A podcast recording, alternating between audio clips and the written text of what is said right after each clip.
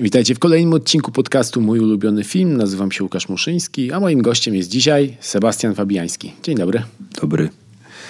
Eee, tuż przed tym, kiedy do mnie dojechałeś, napisałeś mi, że jak to było, Sylwester cię złapał w szpony? Tak, dojeżdża. Sylwester cię dojeżdża. Chciałem rozwinąć tę myśl, bo to mnie zaintrygowało. No wiesz, stwierdziłem, że pierwszy raz od jakiegoś w ogóle nie wiadomo jakiego czasu, w zasadzie chyba pierwszy raz w życiu, po prostu y, u mnie się odbędzie y, y, delikatna balanżka. A, zostałeś gospodarzem, no to obowiązki się z tym No i wiesz, wiążą. i trzeba, na szczęście ja nie gotuję, a więc trzeba zamówić susz i wiesz, i, i organizacyjne sprawy po prostu cię e, przygniatają, a poza tym w ogóle nie lubię Sylwestra. No jest to taka czasem impreza wymuszona, nie? że trzeba świętować 31, jakby nie można Tak, w sensie ja się zastanawiam w ogóle, no, kalendarz powstał kiedyś tam na potrzeby policzalności. No i tak na dobrą sprawę, no to, że się rok kończy, no to, to jest tylko, no nie wiem, nie wiem jak to nawet określić, wiesz. No, w każdej, każdego dnia równie dobrze mógłby się dzień, mógłby się rok kończyć, no równie dobrze mógłby się kończyć 1 czerwca, wiesz. I, to jest jakaś umowność, która, która jest kolejnym schematem zarzuconym na społeczeństwo w ogóle i na rasę ludzką, która tak na dobrą sprawę no, nie, nie wiem czemu służy. W sensie i, i, i co, że hucznie witamy nowy rok, tak? Żeby, żeby dobrze było w kolejnym. No dobra, no okej, tylko że mnie to zawsze dołuje, szczerze mówiąc. Mam jakąś zawsze nostalgię wokół tej daty i takie troszkę depresyjne stany, że wiesz, że nie wiem, może to wynika z, z pogody i że wtedy dzień jest najkrótszy. Czyli rozumiem, że postanowień noworocznych nie czyniłeś sobie. Czy może jednak coś wymyśliłeś? Nie, no ja nigdy nie robię takich rzeczy. W sensie, że. Nie wiem, ja mam raczej. Z... Jestem zadaniowy. Nie? W sensie. Mm, I ta zadaniowość nigdy nie przeszła na postanowienia noworoczne. W sensie ja. Tym bardziej, że to jest kolejna rzecz, nie? że to jest jakiś kolejny schemat. I to jest tak jak teraz jest, nie wiem, religia, bądź sobą, wyjdź ze strefy komfortu i tak dalej, nie? To dla mnie to jest podobne. Nowy rok, nowy ja. No. Wiesz, jakiś bullshit po prostu instagramowy, nie? I, mm, i ja tego jakoś nigdy nie praktykowałem. Oczywiście ludzie lubią symbolikę, więc e, szukają takich bodźców pod tytułem Nowy Rok, więc ja z Nowym Rokiem, nie wiem, zrzucę 5 kilo, wiesz, jakby... Nie uważam, że to jest jakoś szczególnie pomocne. Najlepiej się rzeczy robi teraz po prostu, czyli impuls, decyzja, a nie, że no, do nowego roku to ja będę jadł, jadł, jadł, a po nowym roku się odchudzam. No i potem 3 stycznia już eklerka gdzieś tam woła nas y, z cukierni. No. No dobrze, to przed nami w takim razie bardzo poważne zadanie. Będziemy rozmawiać o twoim ulubionym filmie. Już ustaliliśmy jeszcze przed wejściem na antenę, że polski tytuł jest przypałowy, ale raz musimy go użyć, żeby było wiadomo, bo nie wszyscy może znają oryginalne filmy, czyli Wichry Namiętności. Tak. E, krótki opis filmu e, Legends of the Fall, bo taki jest oryginalny i takiego będziemy używać w trakcie naszej rozmowy. To rozgrywająca się na przestrzeni kilku dekad historia pułkownika Ladlowa i jego trzech synów, którzy żyją na rancho na zapomnianej przez ludzi ziemi u podnóża gór Montana. W tym męskim świecie pojawia się Suzana, która rozpalając w braciach pożądanie i ducha rywalizacji, zmienia na zawsze ich życiowe losy. W obsadzie Brad Pitt, Anthony Hopkins i Julia Ormond, reżyseria Edward Zwick. Kiedy pierwszy raz widziałeś ten film? Nie pamiętam dokładnie, ale dawno temu pamiętam, oglądałem go y, chyba z ojcem. Mm, I w ogóle ten film jakoś krąży wokół tego ojcowskiego tematu. Nie? W sensie boję się go obejrzeć po śmierci ojca mojego, bo mm, jest tam taka scena, która mm, niezależnie od okoliczności życiowych, zawsze jak oglądałem ten film, po prostu mnie rozkłada na łopatki. To jest scena, kiedy Tristan wraca po latach.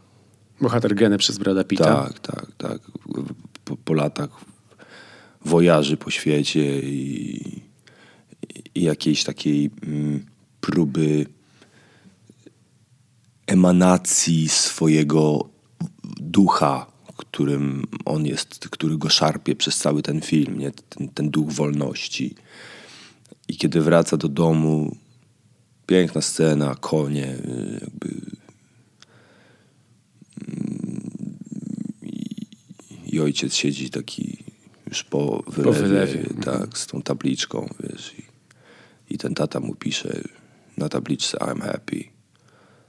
No, to jest, to jest, wiesz, No właśnie, bo tak zastanawiałem się wczoraj po seansie tego filmu, o czym to jest. Z jednej strony rzeczywiście jest to film o wolności, ale też i o jasnej i ciemnej stronie tej wolności, no bo wolność Tristana, czyli właśnie bohatera Pita, jest jednocześnie okupiona jakąś taką emocjonalną niewolą i ojca, Tak. i Suzanny, e, czy też Izabel II, czyli żony Tak. mm, przyszłej Brada Pita, którzy wybaczają mu wszystkie błędy. Czym w ogóle dla ciebie jest wolność? No właśnie, no widzisz, to jest, to jest jakiś taki case, trochę taki święty gral mojego życia. W sensie, że szukanie jej, nie wiem, mogę na tym zmarnować całe życie, ale mm, to chyba jestem na to gotowy. E, W dzisiejszych czasach o wolności to w ogóle już ciężko mówić. E, więc zawsze gadanie o wolności w tych okolicznościach trochę jest odbierane jako, e, jako jakiś, nie wiem, tani romantyzm albo kompletna niedzisiejszość, wiesz.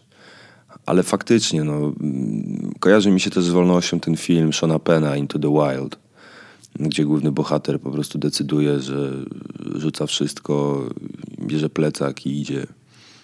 E, I idzie w życie y, takie, którego chyba tam bardzo ciągnie. Kończy jak kończy. No, ten, kto widział film, to wie. Nie będę spoilerował tym, mm, którym, którzy nie widzieli, a szczególnie, a polecam go szczególnie dlatego, że tam jest temat wolności w ogóle mm, ciekawie ujęty, w sensie czy, czym ona może być w ogóle i czym jest, jaką pułapką jest dążenie do wolności.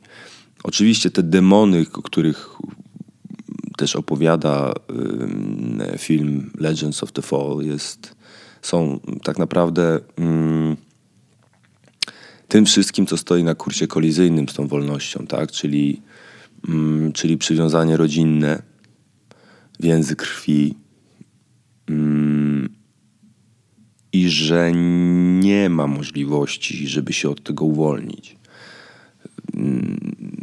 Wydaje mi się też, że w ogóle, jeżeli od czegoś uciekamy, a w tym przypadku Tristan absolutnie ucieka, nie? W sensie to jest, to jest, to jest facet, który, e, który jest no, cały czas w takim trybie trochę.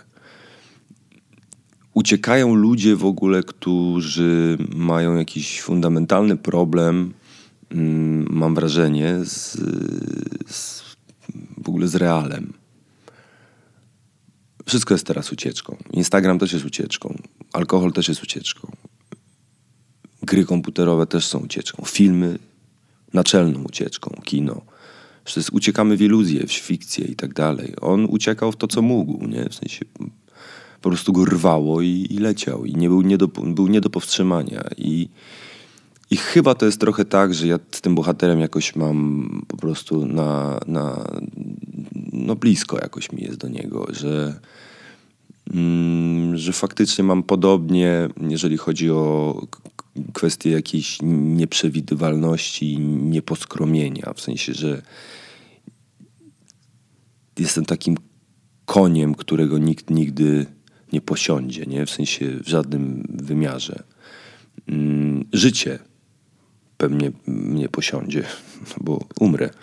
Yy, ale tak, żeby człowiek, jakaś re, re, relacja, mm, oczywiście najgłębsze relacje są też jakoś ubezwłasnie, ubezwłasnowalniające mm, i trochę zniewalające, ale to jest na, takim, na takiej granicy przyzwolenia, nie? w sensie, że na to pozwalasz. Dalej już po prostu nie pozwolisz i, i myślę, że myślę, że ta wolność jest, jest de facto trochę takim właśnie nieposkromieniem, czyli jakimś takim niepokojem, który cię rwie po prostu gdzieś, gdzie nie ma tego wszystkiego, co cię otacza. Tristan robił to w tamtych okolicznościach, tak? Czyli on, jego rwało tam, gdzie nie ma tego wszystkiego, co jest tu. Ja mam to samo. Mnie rwie, gdzie nie ma wszystkiego tego, co, co jest tu. Ale na dłuższą metę to strasznie męczy. No, Nie kusi cię, żeby się ustatkować jednak i trochę... żyć, no. Czyli rozumiem, że na, z- na ustatkowanie się raczej nie Znaczy, ma słuchaj, ustatkowanie zależy czym, Jak zdefiniujemy. czym jest ustatkowanie. No takie, że siedzę w kapciach przed telewizorem, mm, pewnie będzie ciężko, bo generalnie mam taki state of mind, że ja siedzę zawsze w butach. W sensie nawet w domu. E, Rozumiem, że jak śpisz, to zdejmujesz. No nie, no jak śpię, to zdejmuję. Jak się kąpię również, słuchaj, nie wiem. Bo raz próbowałem i, i, i, i, potem strasznie było mi niewygodnie, odparzyły mi się nogi, bo mm, w mokrych butach chodzenie przez cały dzień naprawdę nie jest zbyt miłe. Mm, więc to jest to ustatkowanie, no wiesz co, to są, to jest ciekawy case w ogóle, bardzo aktualny, jeżeli chodzi o moje życie. I, I myślę, że faktycznie jakiś temat pod tytułem w ogóle rodzina mm, jest czymś pięknym, ale wydaje mi się, że też w tym może być dużo wolności. W sensie, że mm, nie wiem, dajmy na to żona, tak? No, ludzie biorą ślub, oczywiście już abstrahując od tematów związanych z wiarą, e, to ludzie biorą ślub właśnie chyba po to, żeby się jakoś tak zaklepać. W sensie, że to jest moja żona i, i już. I powiedzenie na ślubnym kobiercu nigdy cię nie opuszcza aż do śmierci i że cię nie opuszcza aż do śmierci Wierzą, że tak będzie. Tak, tylko że, właśnie, weryfikuje. tylko że właśnie widzisz, moim zdaniem formuła powinna brzmieć i wierzę, że cię nie opuszcza aż do śmierci. Albo i chce cię nie opuścić aż do śmierci. A nie i że cię nie opuszcza aż do śmierci. Bo dla mnie ta formuła jest troszkę ryzykowna. W sensie, że ja znając życie, jakby będąc jednak usposobiony troszkę bardziej refleksyjnie, no to wypowiadanie takiej deklaracji jest moim zdaniem wchodzenie w buty trochę Boga, trochę determinizmu, jakby, że ja przewiduję coś, tak, że ja, a, a w życiu się dzieją tak różne rzeczy i życie jest tak, tak nie zero-jedynkowe, mimo że ja staram się być zero-jedynkowy, upraszczając sobie je, mm, to jednak to jest mm, jakiś, jakiś w tym jest moim zdaniem ziarno kontrowersji. I, i, i ciężko mi to tak przyjąć, że, że faktycznie mówię komuś coś takiego, więc to ustatkowanie na pewno jest czymś pięknym, ale moim zdaniem wcale nie jest tak, że ustatkowanie to jest moja decyzja i rezygnacja z poszukiwania wolności. W sensie, że w innych okolicznościach, ale nadal będę jej pewnie szukał. No. No właśnie, bo ten film pokazuje, że jeżeli ktoś chce być wolny, to zazwyczaj druga osoba na tym cierpi. Cierpi, na przykład właśnie wydaje ci się, że czasem z powodu twoich poszukiwań wolności raniłeś tym kogoś? Tak. Jak tak, się z tym czujesz? No, wiesz, no ciężko, no. Biorąc pod uwagę emocje, yy, yy, biorąc pod uwagę, no tutaj głównie kobiety, a raczej nie głównie, tylko tylko. Yy, no to, to wiesz, to, to, to ich emocje na pewno były mm, no ciężkie do zniesienia, ponieważ zawsze zakrawa to swego rodzaju odrzucenie. Kiedy ja wybieram wolność, tak, w sensie mówię komuś nie, nie chcę już, bo mnie to męczy i zwijam manatki, no to, to ja kogoś odrzucam. No i to odrzucenie nigdy nie jest przyjemne. Mm, No i, i tak, racja. No, w sensie ten, który za tą wolnością gdzieś goni, że ta wolność to, to też jest rodzaj żeński, nie? W sensie mam wrażenie, że to jest kobieta. w ogóle wolność jest kobietą trochę chyba. I kiedy wybierasz wolność, no to, to ta druga kobieta idzie w odstawkę, nie? W sensie i, i trochę ją zdradzasz z wolnością. Mm, Zostawiasz ją dla wolności. No i to jest to jest ciekawe właśnie, nie? W sensie takie dążenie do, do jakiejś relacji, ale nie z materią, tylko z twoją przestrzenią jakąś idealistyczną, bardzo utopijną. Cholernie ciekawe rzeczy. No. A może ty po prostu sobie też romantyzujesz temat wolności? Oj, na bank. Że może to jest po prostu biologia, a ty sobie do tego dopisujesz jakąś filozofię, żeby dobrze może, brzmiało. Może tak, może tak. Może to wszystko, co gadam, tak na dobrą sprawę można, wiesz, włożyć między bajki tak naprawdę. I, i nie jest to w ogóle żadnym nawet światopoglądem, tylko jest to jakimś rodzajem Łatwego roz, wytrychu. rozmarzenia się na, na, na temat tego. Nie? I, I trochę też niewątpliwie wolność na pewno w tym przypadku jest niedojrzałością. Tristan był bardzo niedojrzały. To był wieczny dzieciak, mam wrażenie, nie? W sensie i tutaj to trochę też w moim przypadku chyba takie jest, że, że ja jestem jakoś tak, no, mm, no niedojrzały. I chyba nie, nie chcę dorosnąć. I chyba wolę ten ch- chłopięcy świat pełen takiego właśnie mm, trochę naiwnego idealizmu, romantyzmu właśnie. A z czym w takim razie wiąże się dla ciebie dorosłość? I co cię odrzuca w tej dorosłości? Na pewno nie, na pewno nie chcę. mm, Nie chcę chyba i nigdy nie powiem, że jestem dorosły albo że jestem dojrzały. Bo, znaczy, oczywiście, no dojrzałem do czegoś, tak? W sensie moja egzystencja do czegoś dojrzała. No, dobra, no, w sensie wołowina też dojrzewa. Mm, sery też, więc yy, ja też pewnie. Mm, ale tak, żeby powiedzieć, że jestem dorosły, no nie wiem, dla mnie trzeba mieć dużą w sobie bezczelność i jakąś taką, moim zdaniem, ślepotę trochę, żeby mówić o sobie, że się dorosłym. Don't grow up, it's a trap, nie? Więc ja, ja bym raczej w, tą, w tym kierunku szedł i, i pozostać wiecznym chłopcem, oczywiście mm, odpowiedzialnym, dokładnie, nie, no, to, nie, e, odpowiedzialnym jednak, jednak odpowiedzialnym no, za, za życie, emocje drugiego człowieka, nie? W sensie, że być chłopcem wiecznie niedojrzałym, ale jednak trochę, wiesz, brać tam pod uwagę to, że ktoś z tego powodu może mm, dostawać rykoszetem. I no nie, ja jakoś w ogóle mam wrażenie, że jestem w życiu tak e, skupiony na bodźcach i materializowaniem tych bodźców, że chyba mi nie grozi taka dojrzałość, dorosłość. Bo ja zawsze, jakby mnie musi zawsze coś rwać. No, w sensie ja nie umiem tak osiąść na czymś. Nie? Ja muszę zawsze czuć jakiś niepokój. Mnie musi zawsze coś, coś drapać, coś swędzić, coś szczypać, coś piec.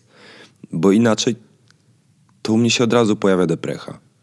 Jak się nie dzieje, ja nie mam żadnych, wiesz, żadnych wiatraków, jak Don Quixote, no to no to co z wiatrem? Też można walczyć w jakiś sposób, ale Nie, no bez sensu.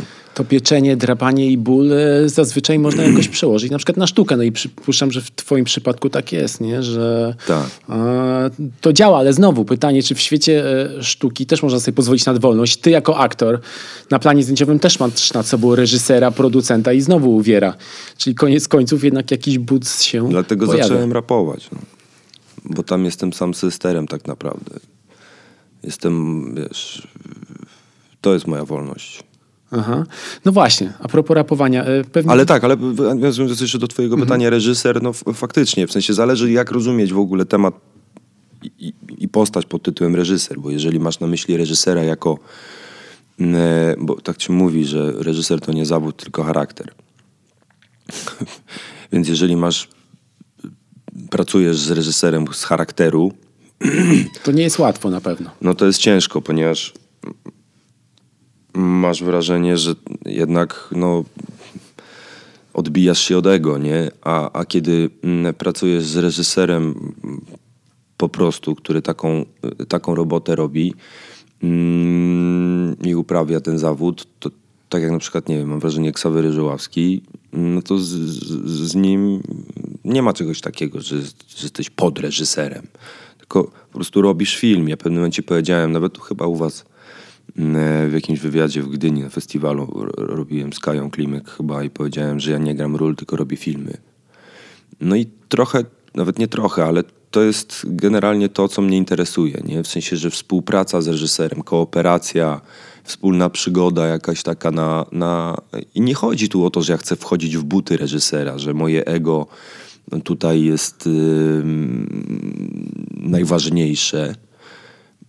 Tylko ja myślę, że w ogóle ego filmu powinno być, ego dzieła w ogóle, nie? Jak jest umowa o dzieło, no to, no to, no to, no to skoro ją podpisujesz, no to niech to dzieło będzie dla ciebie czymś najważniejszym.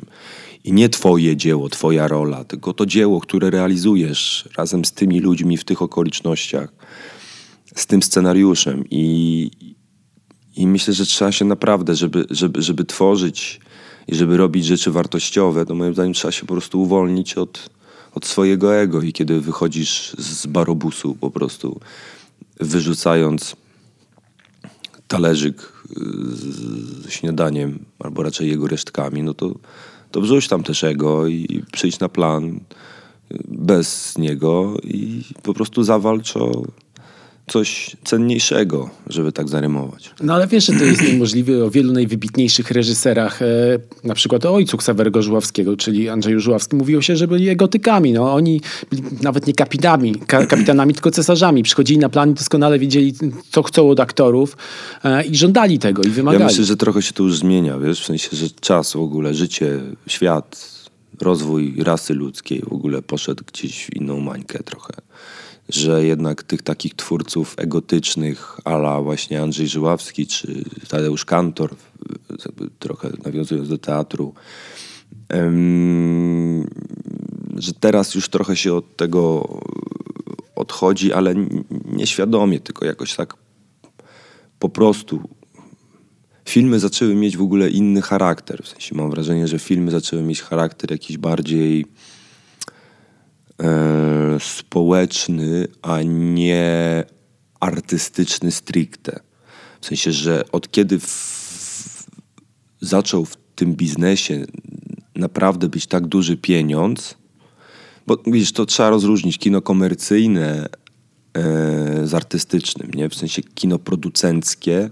I kino autorskie. I kino autorskie. No oczywiście w kinie autorskim ten autor jest tutaj sterem, tak? No ale kino, ale Mowa Ptaków Ksawerego Żuławskiego była kinem autorskim, no tak naprawdę. W sensie trochę dwóch autorów. Nad którym unosił się duch Andrzeja Żuławskiego no właśnie, no i zataczamy kółeczko. No tak, tak, tylko że myśmy nie byli zniewoleni przez ten papier. Myśmy nie byli zniewoleni przez scenariusz, wiesz. Myśmy ten scenariusz po prostu yy, Hattori Hanzo, no. Wiesz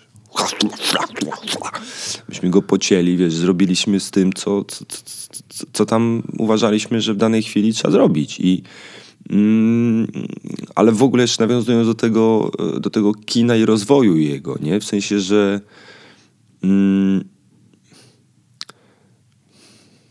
widzisz, aktorzy, na przykład w Stanach, są często ważniejsi niż reżyser. Czasami niestety dla filmu. No niestety dla filmu oczywiście, ale to jest też trochę, mm, myślę, pokłosie tego właśnie. Mm, że jednak nie chodzi się na reżyserów, tylko chodzi się na aktorów. I kiedy koniunkturalizm i po, po prostu kabona weszła tak bardzo w mainstream filmowy, i tak duże pieniądze w tym są, mm, no to to się nie zmieni. I myślę, że yy, to jest w ogóle jakiś taki, wiesz, upadek trochę artyzmu, autorskiego artyzmu. Czyli jednak jesteś za autorskim, e, artyzmem autorskim. Tak, myślę, że tak. W sensie tylko, że mm, jeżeli jesteś niewolnikiem swojej koncepcji, to tak naprawdę, oczywiście ona może być genialna. Oczywiście, że może być genialna, więc jakby tutaj w ogóle no doubts, ale jeżeli jesteś niewolnik, niewolnikiem swojej koncepcji, to tracisz smak pewnego spotkania i pewnej wynikowości i pewnej nieprzewidywalności natury filmu. Bo próbujesz realizować scenariusz, próbujesz realizować swoją wizję. A moim zdaniem najpiękniejsze rzeczy, które mogą ci się przetrafić w ogóle w robieniu filmu, jest to, jeżeli zbierasz takich ludzi, którzy to po prostu robią z tobą albo czasami nawet za ciebie. Tak jak mówił Andrzej Wajda. No właśnie, to, to Andrzej Wajda mógłby się pod tym podpisać, a na przykład Stanley Kubrick już niekoniecznie. No ale to są, wiesz, obaj są geniuszami, obaj inaczej. Ale akurat tutaj, wiesz, no Stanley Kubrick, no tak, no. Zdarzyło mu się coś dobrego nakręcić. No, zdarzyło mu się, ale ja myślę raczej o efektach czasami tego, nie? W sensie, jakie, jakie koszta niektórzy musieli ponosić po współpracy z nim. No to to już pytanie jakby, co jest ważniejsze. Czy dzieło i ono jest takim finałowym celem, czy jednak zwracamy uwagę na... Dzieło oczywiście. Ja jestem, ja jestem za poświęceniem dla dzieła, ale nie jestem za poświęceniem dla reżysera. W sensie, że nie trawię takiej metody trochę dla mnie socjopatycznej, czyli stosjowanie soc socjotechniki, jakiś, jakiś mm, e, mm, jak to się nazywa? Mm, jak to się nazywało, kurde? Mm. Dra, mm, psychodrama. O. Że reżyser po prostu stosuje jakieś, wiesz, mechanizmy, tu naczytał się jakichś książek, rozumiesz, Manipulacja. Tak, manipulacja i tak dalej. I, I później ten człowiek, który jest manipulowany, jeżeli jest kruchą jednostką, wrażliwą, często podatną na takie rzeczy, a, a artyści niestety są wrażliwi i podatni, no po prostu kończą źle, więc moim zdaniem to już jest niedobre, w sensie, że to już jest wykorzystywanie człowieka dla swojego dzieła, a nie, że człowiek świadomie poświęca się dla dzieła. Bo jeżeli ja wchodzę w film i ja po prostu pamiętając o kosztach i o konsekwencjach, po prostu kroję się i robię operację na otwartym sercu i mówię niech się dzieje wola nieba, jedźmy, to to jest co innego niż jeżeli ja jestem poddany jakimś zabiegom, nawet trochę nieświadomym. Nie? I to już jest moim zdaniem takie kino, oczywiście też czasami, tak jak mówię, może być genialne i, i często jest, ale uważam, że to jest przedmiotowość ze strony, ze strony twórcy i ja nie jestem fanem takiej, takiej współpracy z reżyserem. No dobrze, to teraz chciałbym odbić w inną stronę i nawiązać do artykułu, który ostatnio pojawił się w Polityce e, dotyczący ciebie. I tam jest taki nagłówek, który muszę zacytować. Janusza Burleckiego. Przyszły polski Drake, a może James Dean? czy jak słuchasz takie zdanie, to śmiejesz się trochę pod nosem, czy jednak mimo wszystko to cię łechce? No śmieję się, no. Śmieję się, no. Po, polski Drake, no. James Dean. No Jamesem Deanem już nie zostaniesz, bo on w wieku 27, klub 27. Tak, tak, tak, tak. Ale Drake'iem możesz ciągle zostać. Tylko chyba to też jakby nie są twoje klimaty muzyczne do końca. Nie, w ogóle... Mm, ja, ja w ogóle, nie wiem, ja... Ja się nie... Może to jest mój problem, może nie. Mm, na pewno wiem, że z tego powodu mnie wywalali ze szkół teatralnych i na pewno wiem, że z tego powodu miałem dużo, dużo problemów. Mm, bo ja nie mam respektu tak z natury do autorytetów. Może dlatego, że nie miałem autorytetu w życiu. Autorytetem w pewnym momencie stał się dla mnie hip-hop i zasady, które tam mm, orędowali mi raperzy, to był dla mnie autorytet. Ale tak, żebym ja, nie wiem, spotkał jakiegoś aktora na swojej drodze, czy reżysera, który byłby dla mnie takim autorytetem, że ja bym się garbił przy nim po prostu, to jakoś ciężko. I nie dlatego, że ja jestem taki na swój temat jakoś wybujany. Nie, tylko jakoś nie wiem, no jakbym siedział teraz Leonardo DiCaprio, no, nie miałbym kompleksów.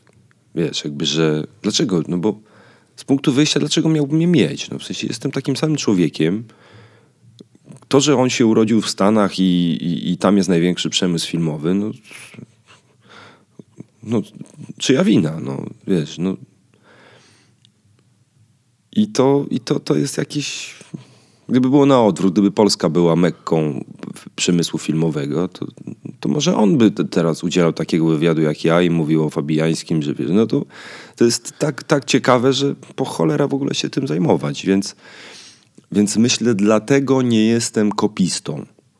W sensie, że mm, oczywiście inspirowanie zawsze jest nawet pod, podświadome.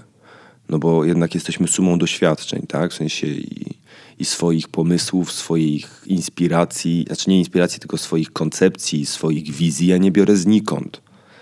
One są jakimś efektem czegoś, co, co zobaczyłem, albo jakąś sumą tego, co zobaczyłem, więc, więc to zawsze będzie obecne.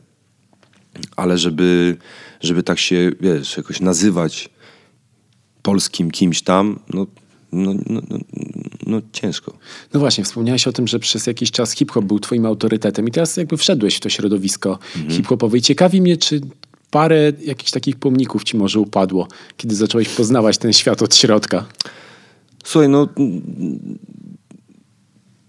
stał się on dla mnie, w sensie w ogóle to, co się odbyło w związku z tym wszystkim, z tym materiałem muzycznym i z tą płytą i tak dalej, która teraz została wywrócona do góry nogami i w ogóle została zmieniona cała.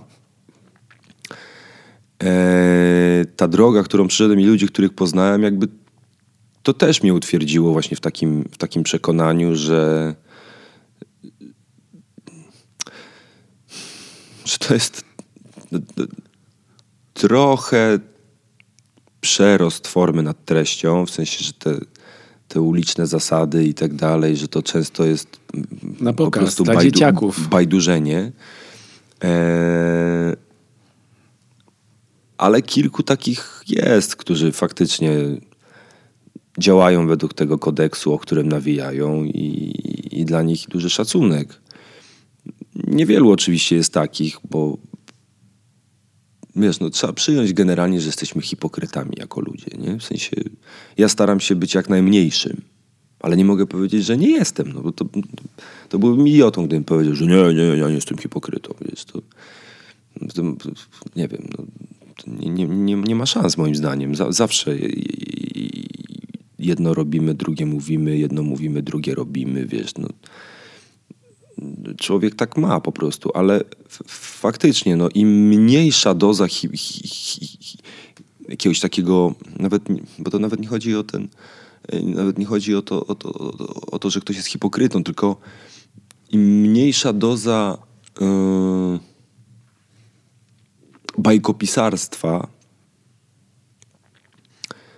tym, tym mam wrażenie większa wiarygodność.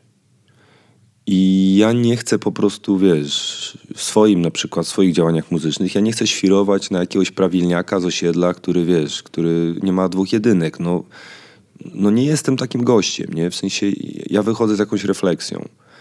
Mm, zresztą mam nawet taki jeden z kawałków właśnie tak się kończy. I nie chodzi o rację, jestem refleksją. Więc myślę, że to jest jakiś taki chyba największy sens w ogóle tej muzyki. Że te teksty, które z ciebie wypływają, jeżeli dla kogoś możesz być jakąś inspiracją, a dla mnie wielokrotnie hip-hop był inspiracją i też jakimś autorytetem właśnie, nawet jeżeli on jest w, trochę, wiesz, przejaskrawiony i trochę to są zamki na piasku, to jednak ludzie lubią mieć takich właśnie, a, to jak będę jak ten punkt odniesienia. Tak, jak mi, jak mi kiedyś, kiedyś Sokół nawijał życie, w sensie yy, no, nie jestem jak agentura zbytnio towarzyski, albo uważaj jak tańczysz, bo życiowy parkiet bywa śliski. WWO. No, no to wiesz, to, to ja mm, no to ja uważałem jak tańczę, bo życiowy parkiet bywa śliski, wiesz, no i, i, i to zostało ze mną i, i myślę, że to jest niesamowita wartość tej muzyki właśnie, nie? że możesz komuś naprawdę coś dać, a teraz wiesz, no, po raz kolejny już mówię, ale no, co dajesz dzie dzieciakom nawijając o tym, że masz kafla w portfelu i, i Fendi na klacie. No. no właśnie punkt odniesienia, może te dzieciaki też chcą to mieć. No ale no, no, no tak, tylko że Oczywiście, że to jest wszystko efekt też tej instagramowej rzeczywistości, nie? W sensie, że marki pozycjonujące się na Instagramie i w ogóle to wszystko, co, co się odbywa tam, to się też przeniosło na hip-hop. Mam wrażenie, hip-hop stał się po prostu jednym wielkim Instagramem teraz. Mm, I ten Instagram po prostu jakoś wytyczył zupełnie w niekontrolowany moim zdaniem sposób trendy w ogóle światowe i też mental ludzki, nie? w sensie on, on reżyseruje trochę świat. Mm, oczywiście za tym stoi pieniądz, to on reżyseruje ten świat i życie nasze, nie? Ale, ale jednak jest to takie bardzo instagramowe, tylko że no teraz wiesz, no pojawia się pytanie, no dobra, no może dzieciaki chcą tego, ale czy, czy, czy skoro dzieciaki tego chcą, czy aby na pewno powinniśmy im to dawać? Czy jeżeli ja bym teraz chciał opierdzielić cztery słoiki Nutelli, to ja faktycznie powinieneś mi dać cztery słoiki Nutelli i patrzeć jak za chwilę będę żygał pod stołem po trzecim słoiku albo po pierwszym. Wiesz, no to moim zdaniem mądrzejsi ludzie powinni po prostu troszkę, wiesz, troszkę e, your horses, nie? No pytanie też jakby, w jakie buty chce wejść raper? Czy chce być rzeczywiście autorytetem, czy raczej e, entertainerem? kimś, kto dostarcza rozrywkę. Jeżeli to drugie, no nie wiem. Znaczy, też... słuchaj, no, no. I moim zdaniem tutaj się znowu rozpoczyna dyskusja, co jeszcze jest rapem, a co już nim nie jest. Rozumiesz?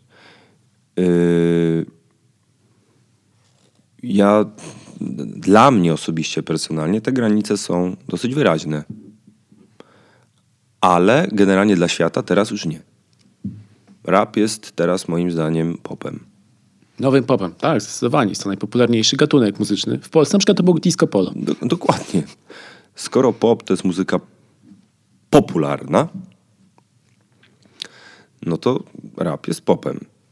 Więc nie nazywajmy tego rapem. Nie? W sensie tak z punktu, no tak racjonalnie na to patrząc. Skoro jest to muzyka popularna, a rap jak powstawał nie był raczej Madonną, czy wiesz, Michaelem Jacksonem, tylko raczej był jakąś odnogą. Więc moim zdaniem powinna się rozpocząć jakaś taka dyskusja i, być może powinien powstać nowy gatunek muzyczny. Tylko, że właśnie w tym jest pułapka, bo ci wszyscy popowi raperzy, oni właśnie robią z siebie raperów. Moim zdaniem liczy się chyba intencja. Znaczy ja jestem idealistą i trochę romantykiem, jak już ustaliliśmy, nie? więc jakby dla, dla mnie liczy się intencja. Czy robisz coś dla szmalu, czy robisz coś dlatego, bo masz taką potrzebę i chcesz to robić i, i, i niesiesz jakąś wartość, która za tym idzie. Jeżeli niesiesz jakąś wartość, która za tym idzie i jest to dla ciebie jakaś coś naprawdę istotnego, spoko.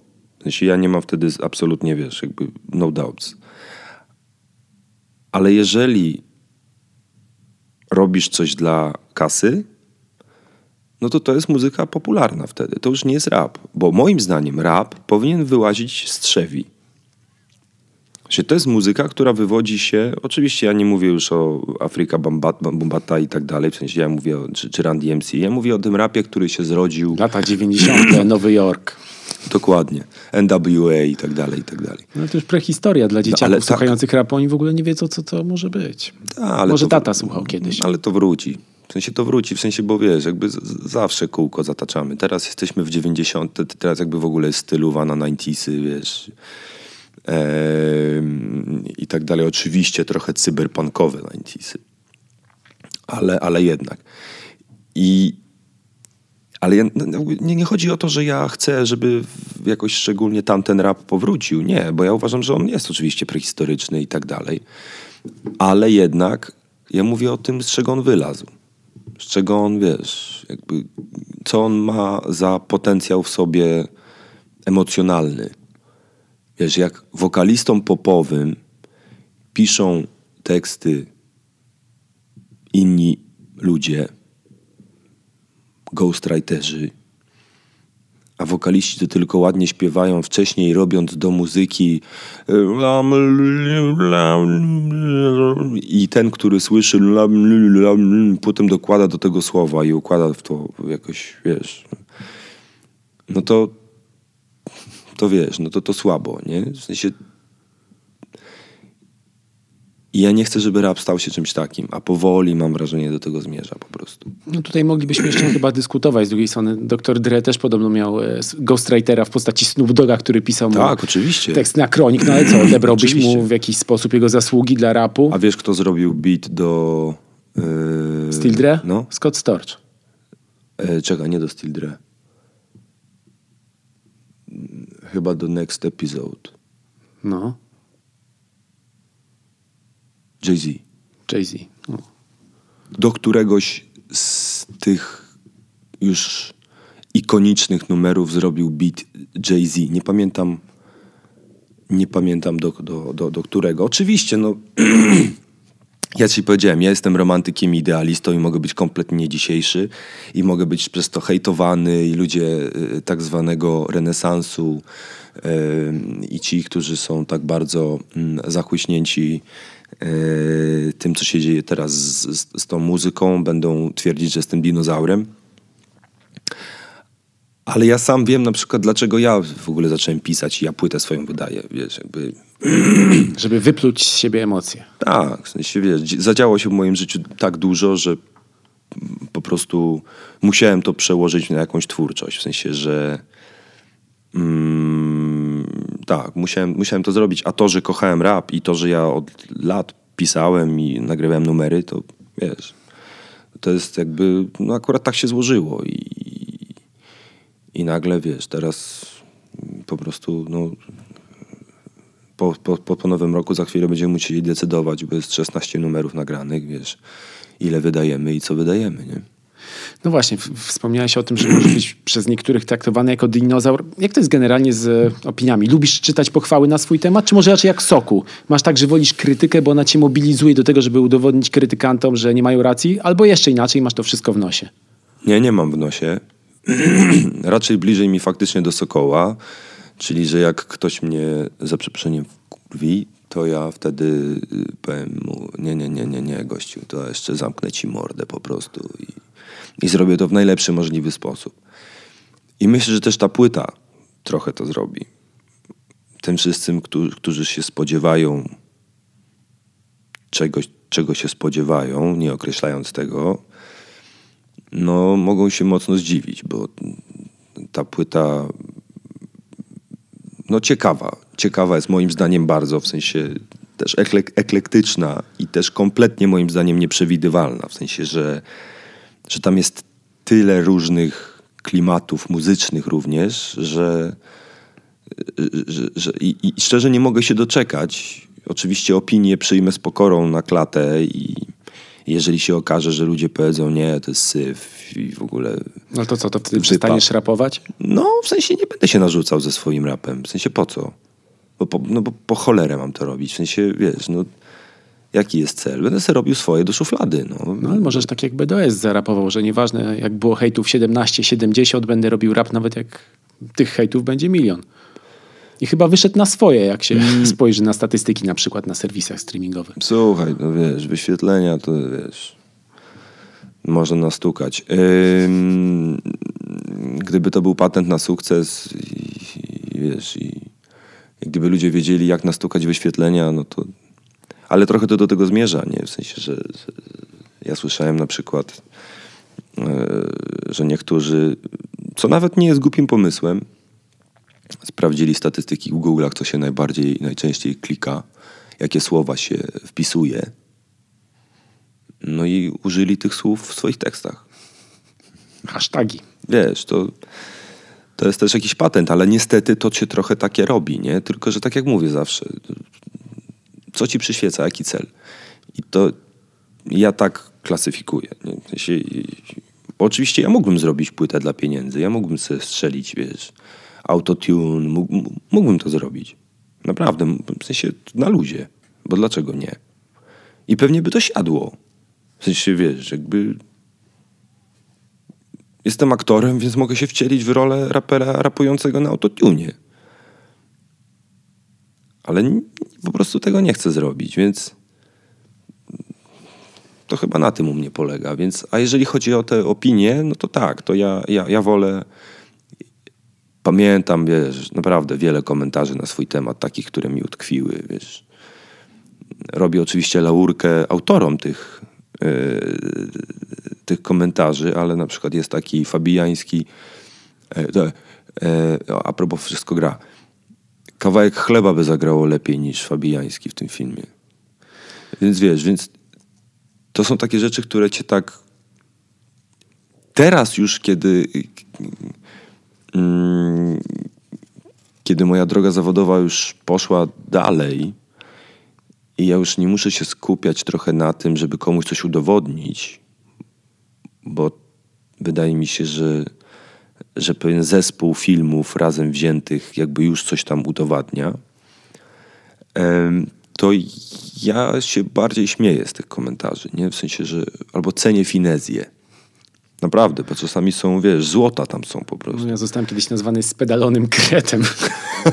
Ale one utwardzają skórę, no taka specyfika. Jak wychodzisz z czymś przed ludzi, to wiadomo, że musisz zmierzyć się Jest taki bardzo dobry opinią. przykład odnośnie internetu. Kobieta, jakaś dziewczyna pisze na forum. Hejka, kochani, bo słuchajcie, mm, e, e, generalnie zrobiłam sobie tatuaże, mm, no ale jestem trochę przytuszy i zamierzam schudnąć. I chciałem zapytać was, kochani, co się stanie z tymi tatuażami, jak schudnę? Pierwszy komentarz. Nie schudniesz. I to jest, to jest wiesz, dokładnie. No. No właśnie, a propos płyty. Pochwalę się, że miałem okazję usłyszeć już parę twoich numerów. Nie wiem, ile z nich pojawi się na płycie, a ile nie. Nikt, żaden. Krokodyl też nie? Tak, prawdopodobnie nie. W sensie jakby dużo jest tam. Mm, no, ta płyta przeszła totalną rewolucję. No okej, ale nagrałeś taki numer Krokodyl o genie autodestrukcji, tak go przynajmniej Aha. odczytywałem, który jest sobie obecny. I tutaj wracamy z, z powrotem do filmu e, Wichry na mie- a, Legends of the Fall. Dokładnie. Tego się trzymamy. Tak. Że główny bohater Tristan też zawsze był takim niespokojnym duchem, a traumatyczne doświadczenia na froncie tylko wzmocniły mroczne aspekty jego natury. Przemoc, porywczość. Tak. E, jak udało ci się ja, no. obłaskawić ten gen, gen autodestrukcji? Udało się w ogóle? Kurde, to jest, widzisz, no. To jest jakiś. To też jest nieposkromione, nie? W sensie, że to się jakoś uruchamia po prostu i, i, i ten, ten gen autodestrukcji, on w, bardzo często wychodzi z lęku. W sensie, że on, on ma źródło w słabości. Nie? W sensie, w, że to nie jest moc, tylko to jest słabość. I, i stosujesz autodestrukcję, mm, bo próbujesz coś zatupać, bo próbujesz coś zabić w sobie. Po prostu.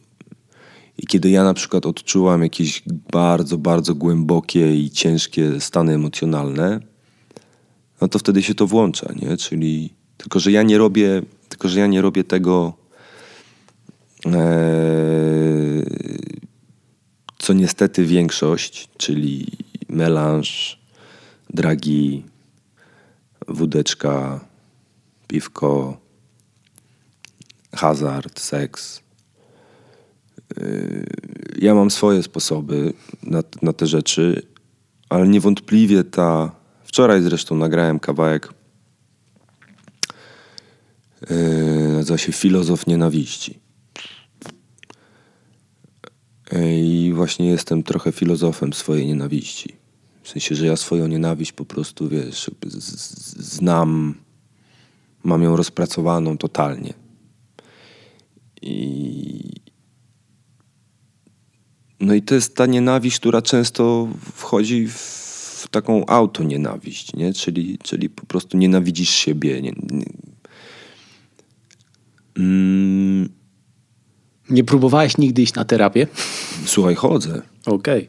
Chodzę, chodzę, ale też ten, w ogóle teksty są też dla mnie terapią, wiesz, w sensie, że mm, jeżeli terapią jest nazywanie wspomnień, nazywanie jakichś traum i układanie je sobie jakoś, no to to hip-hop i pisanie tekstów tym dla mnie jest. Nie? W sensie, że...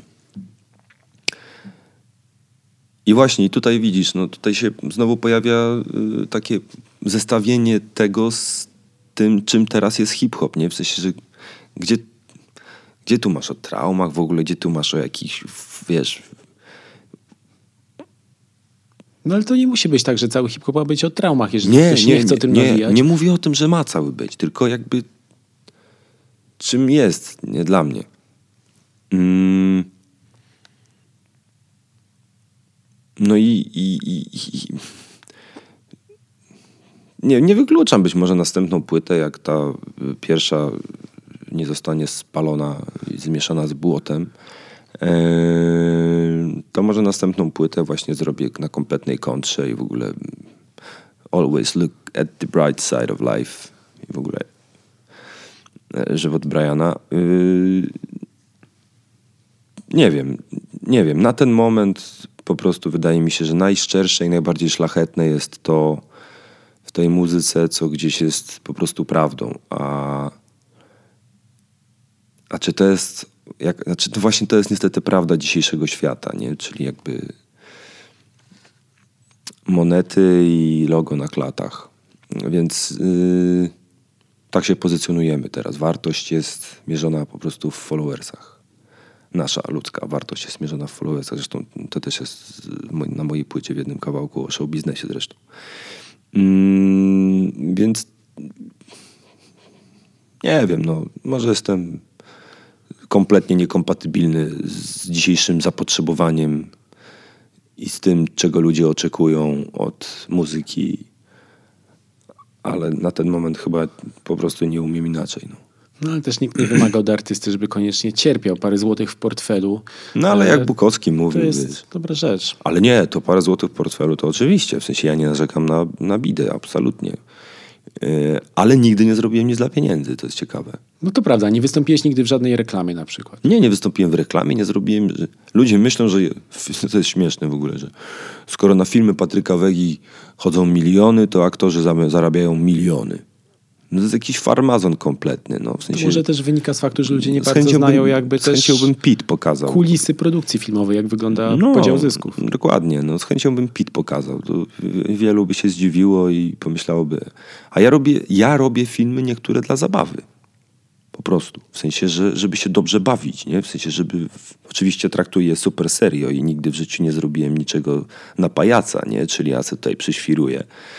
Yy, zawsze wszystko na 100%, ale tak, jeżeli miałbym powiedzieć, dlaczego zrobiłem jakiś film, no to dla zabawy.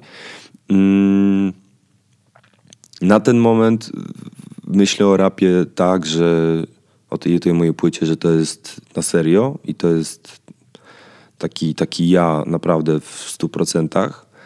E, ale może za rok będę już chciał zrobić płytę dla zabawy. No dobrze, to mam jeszcze pytanie na koniec, znowu wracając do filmu Legends of the Fall.